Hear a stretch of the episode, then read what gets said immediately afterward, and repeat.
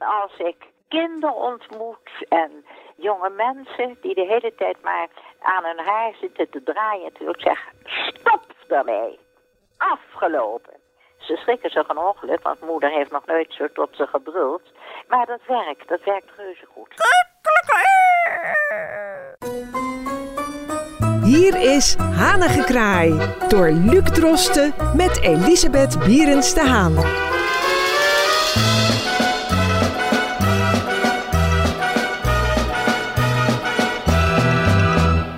Hartelijk welkom hier op Amsterdam FM. Mijn naam is Luc Drosten en aan de telefoon zit, zoals iedere week, trouw Elisabeth Bierens de Haan voor onze wekelijkse kraai. Mevrouw Bierens de Haan, we gaan het eh, weer hebben over politiek. Want, ehm, ik moet trouwens ook zeggen, u heeft zelf een erg kenmerkend kapsel. En ik weet niet of het ermee te maken heeft, maar u let ook erg op het haar van andere mensen. En eh, nu hebben we als thema voor deze aflevering met de handen in het haar. En dat neemt u letterlijk. Kunt u uitleggen wat u wilde bespreken? Kijk, ik heb ook een apart kapsel, maar dat doe ik gewoon. 's morgens doe ik mijn haar, dan kom ik er de hele dag niet meer aan en de hele avond niet. Het zit zoals het zit. Hupsakee, klaar. Het is leuk. Het doet mij een beetje denken, ook bij oude foto's, aan ehm, het kapsel van voormalige koningin Beatrix. Beetje dat stijlvolle. Ja, en, en eh, vroeger was het haar nog iets breder, inderdaad. En ik vind haar eh, coiffure altijd mooi. Ik hou van eh, ja, verzorgdheid. En nou ja, het, is, het heeft met iemands karakter te maken. Maar de ontdekking die ik eigenlijk door de jaren heen eh, ja, heb ontwikkeld, dat is met de handen in het haar. Dan zie je eh, Kaag, mevrouw Kaag. Ik zeg even mevrouw Kaag, geen minister of wat ze dan ook heet. Mevrouw Kaag en mevrouw Blijneveld. Die eigenlijk net allebei zijn opgestapt. Ja, en allebei zijn opgestapt. En eh, kijk eens, dan zit je naar ze te, te kijken en je luistert naar hun verhalen. Ja. En dan valt me iets op. Elk moment kaag met de handen door die lok naar achteren en weer aan het haar. Dat is een vreselijk irritante gebeurtenis. En dan krijg je mevrouw Beideveld. Die denkt, god ja, dat ga ik ook maar eens even doen. Die heeft een korte kapsel. Zeer verzorgd, allebei zeer verzorgd. Maar blijf er met je handen vanaf. Want het is een irritante gewoonte. En mannen hebben deze gewoonte met snorren. Maar dan is het niet de Pierrot-snor, zo'n mooie Engelse snor met een krul. Dat vind ik schitterend. Het is een, een aangroeiende snor, die moet nog wat worden. En eigenlijk, dat zag ik bij de slimste mens, die ben zijn naam vergeten. Hij zat maar steeds met zijn handen aan die snor. Joost Omen? Dat is een soort zelfgenoegzaamheid.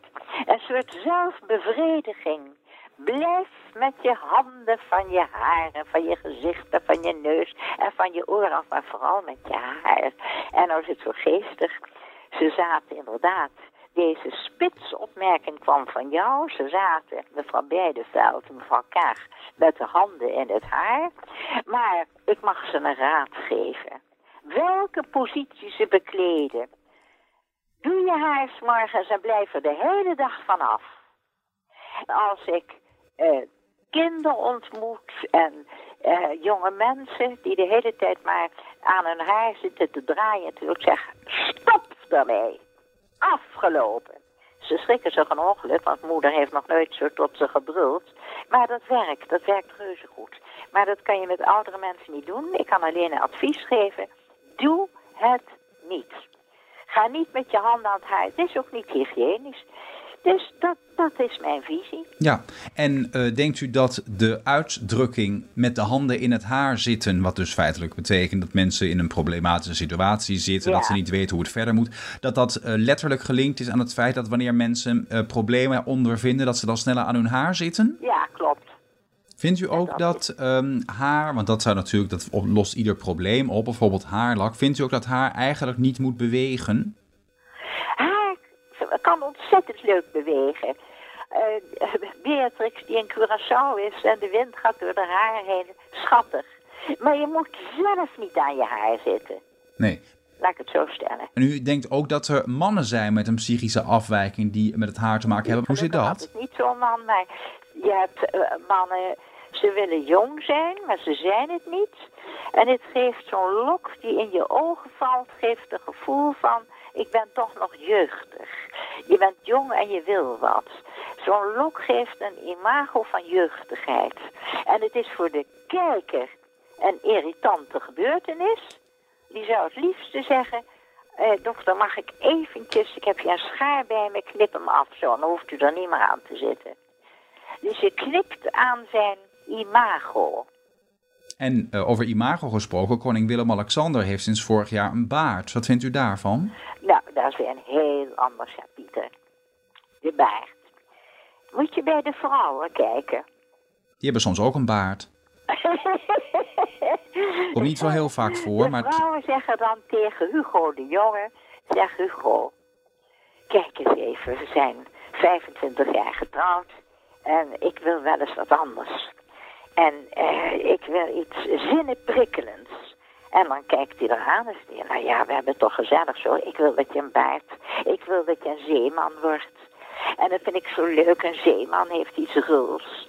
Dat is, heeft met de zee, de zure zee, de zilte zee. Hè? En dan gaat dat, dat uh, stijven. Het is een hè? soort oerverlangen. Dat politieke stijven, dat gaat, maakt dan plaats voor de zeeman. Ja. En dat vind ik reuze fijn. Oh, dat vindt u wel fijn. Die mannen imponeren en die de mannen overhalen van neem, laat die baard. Ga dan proberen. En dan zegt Hugo, ik ga het proberen. Nou, en dan zegt die auto, hoe vind je? Voel even. Oh god, het enige staat je reuze goed. En de koning ook, maar enig heeft hem nu dat gefatsoeneerd. Maar ik herinner me mijn vader, mijn hele leven, uh, zolang ik mijn vader heb gekend. Uh, dan kwam hij uit de badkamer. En dan zei hij, Elisabethje, kom eens even hier. Voel eens even over mijn wang, heb ik me goed geschoren. En dan voelde ik een mooie glanzende huid, een mannenhuid. Mijn vader was zeer mannelijk. En dan had hij een, een zalige Franse aftershave.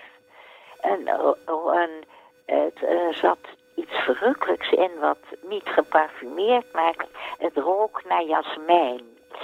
En dan was vader weer helemaal up-to-date voor de dag. Kort kapsel, geen gezeur met je handen aan het haar. Hij was een zakenman en had een eigen zaak. Dus dat was, dat was prima. Hmm. En de snor wilde mijn vader niet. Mijn man hield ook, de dacht nee, dat is niks voor mij. Daar moet je echt een gezicht voor hebben. En als je een snor hebt, dan, is, dan moet je een voorbeeld nemen aan de Engelse snorren. Hercule Poirot. En, en, dat zijn de mooie, echte aristocratische snorren. Maar de baard heeft juist iets democratisch. Iets van, uh, nou, we gaan de zee op, we gaan naar Schiermonnikoog en we gaan eens even vissen. Dat vindt die vrouw zalig, zeg. Dat vindt ze enig. Haar man heeft een baard. Denkt u dat het uh, hun ego's ook uh, zelf goed doet? Denkt u dat bijvoorbeeld koning Willem-Alexander zichzelf verzekerder voelt sinds hij een baard heeft ja. laten staan? Ja, het is een, een, aankleding, het is een omlijsting van een soort pannenspons die een soort gevoel geeft van ze kunnen me niks doen. En wat vindt u dan van mannen die met hun handen in hun baard zitten? Vervelend. Hetzelfde. En de baard is ook niet, uh, zeker in deze coronatijd, niet hygiënisch. Want als je spaghetti eet, blijft de hele boel erin hangen. Nou, Ja. dat is ook niet prettig. Nee. Nee, dat klopt. Dus ik zou zeggen, heren, eh, neem een Engelse snor met een krul. Kijk naar Poirot. Ja. Prachtig. En dan dat mooie Engels. Dan komt er weer een beetje stijl in de hele politieke en buitenpolitieke omgeving. Ja. En dat is goed, dat hebben we nodig. We Mhm. moeten weer een beetje stijl, een beetje grandeur krijgen. En als we het hebben over geli- lichaamsbeha- of over- gezichtsbeharing. eh, vrouwen, er zijn ook vrouwen die laten zich bijvoorbeeld hun wenkbrauwen veel epileren. Kijk eens, ten eerste is er een groot verschil tussen man en vrouw. Ik ben niet zo van man en vrouwen zijn gelijk, dat is helemaal niet waar. Nee. We zijn totaal verschillend.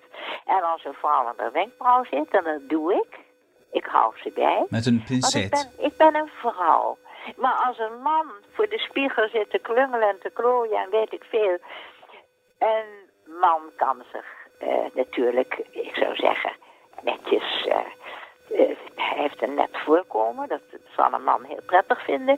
Maar hij moet niet de vrouwelijke elementen overnemen, want dat is toebehoort, dat, dat hoort bij de vrouw.